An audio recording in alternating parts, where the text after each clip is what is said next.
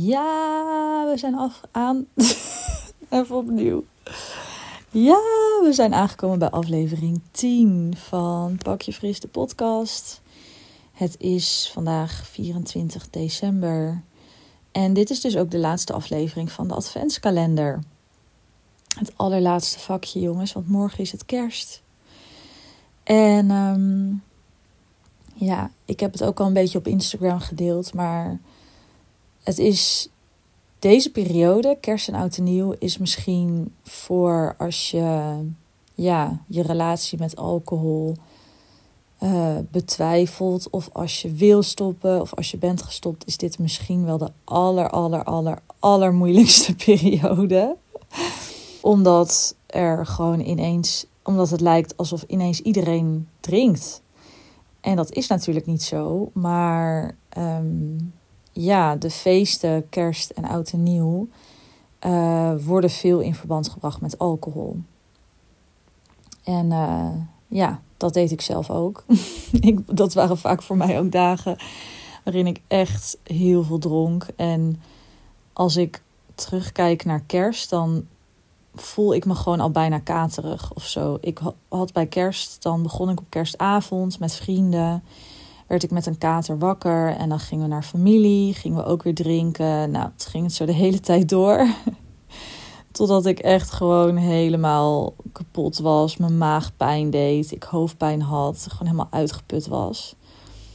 En ik stond dan gewoon een beetje op standje overleven, omdat je dan eigenlijk gewoon heel moe bent, maar wel heel sociaal moet doen. En ja, ik weet niet. Het is niet bepaald iets wat ik mis of zo. Maar dat kan ik nu wel achteraf pas zeggen. Nou, vorig jaar toen stopte ik met drinken precies voor december. 20 november stopte ik. Maar gek genoeg waren toen kerst en oud en nieuw niet zo heel moeilijk.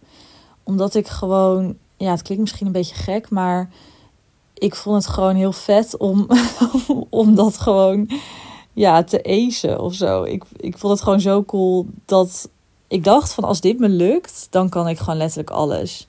Dus ik zag het gewoon echt als een hele leuke uitdaging. En ik had gewoon een beetje zoiets van, ja, kom maar op. Bring it on, bitches. ik weet niet of ik dat hier mag zeggen. Maar ehm, ja, dus ik voelde me echt zo krachtig. Gewoon, ik weet ook nog die dag na kerst dat ik gewoon fris wakker werd, uitgerust. Ik herinnerde me alle gesprekken nog. Geen drama, geen ruzies.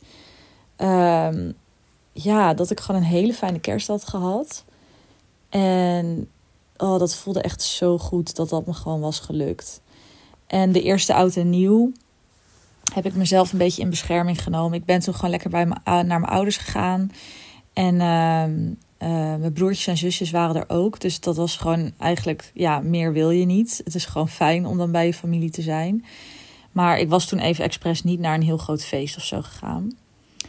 Um, dus oud en nieuw, dat was gewoon ook echt prima en fijn en leuk. Nou, ik wil dit vandaag met jullie hebben over een, uh, een uitspraak. En ik weet niet, het die uitspraak klinkt misschien een beetje kerstachtig. Maar misschien vind je hem vooral ook heel zweverig. maar dat maakt me niet uit. Ik ga het toch met jullie delen. En dat is: alles wat je in de wereld vindt, vind je ook in jou. Nou, en daar bedoel ik dus mee, en dat is echt een hele grote les die ik heb geleerd toen ik stopte met drinken, was dat ik toen nog heel erg een mindset had van ik heb alcohol nodig om gezellig te zijn. Ik heb alcohol nodig om energie te krijgen.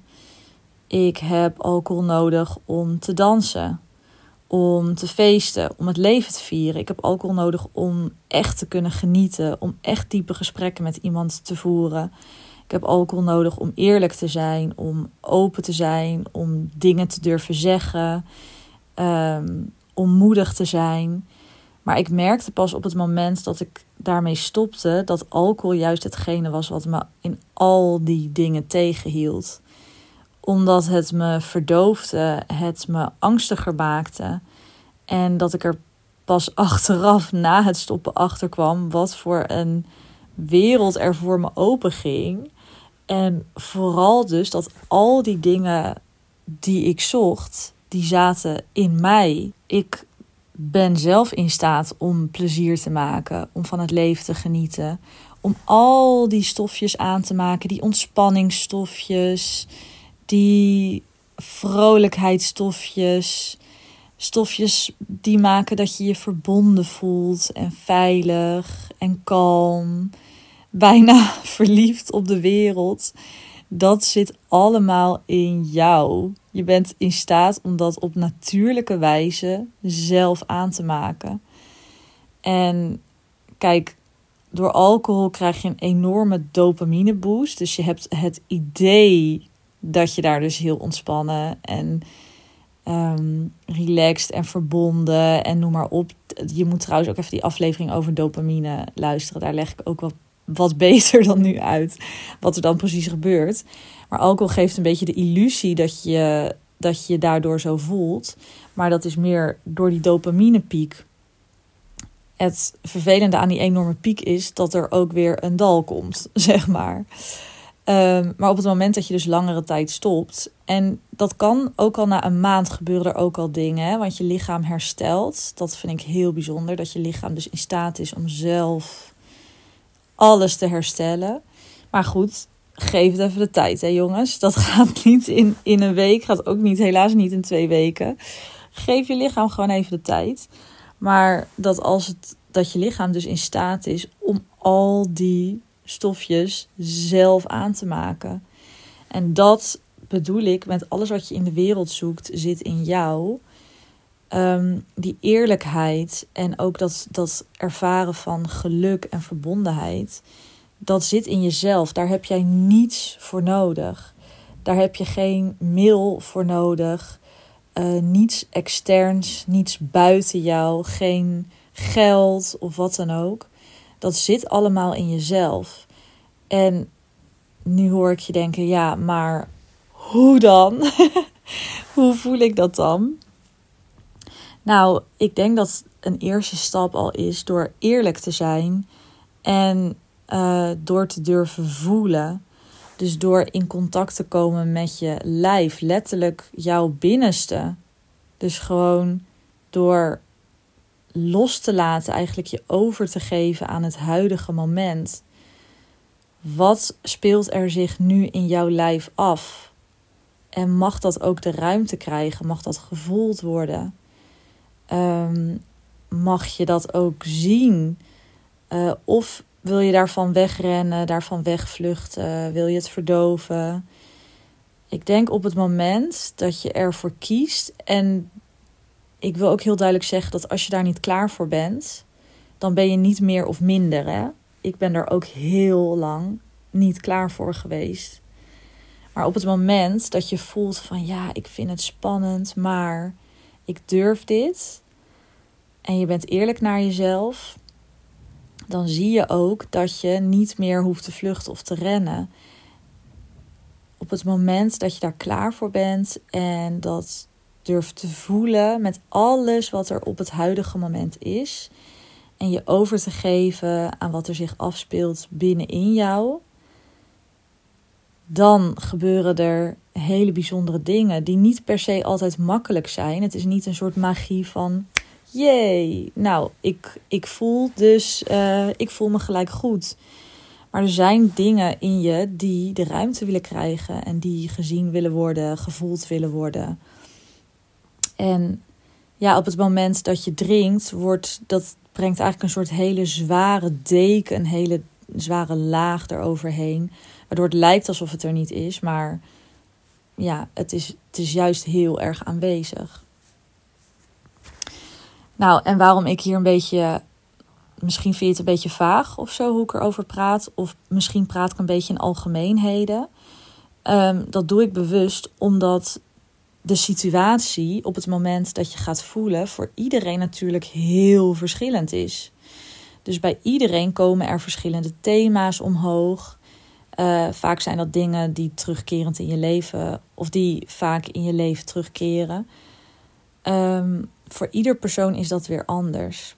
En dat is ook het mooie als je bijvoorbeeld meedoet aan de challenge, daar waar we in januari mee beginnen. Dan is er ook aandacht voor ieders eigen situatie en ieders eigen weg en ieder zijn eigen thema. En is er ook de mogelijkheid om daar dus begeleiding in te krijgen. En daar kan ik je ook dus bepaalde tips in geven. En ik vind het ook heel belangrijk om iets te zoeken van wat bij jou past. Kijk, voor de ene is het wat fijner om fysieke oefeningen te doen, dus bepaalde meditatieoefeningen of ademhaling. Maar een ander vindt het heel fijn om oefeningen te doen waarbij je uh, moet schrijven of waarbij je iets moet creëren, waar je creatief bezig kan zijn. Dus dat verschilt een beetje per persoon voor wat bij je past. En daar hou ik dan natuurlijk ook rekening mee.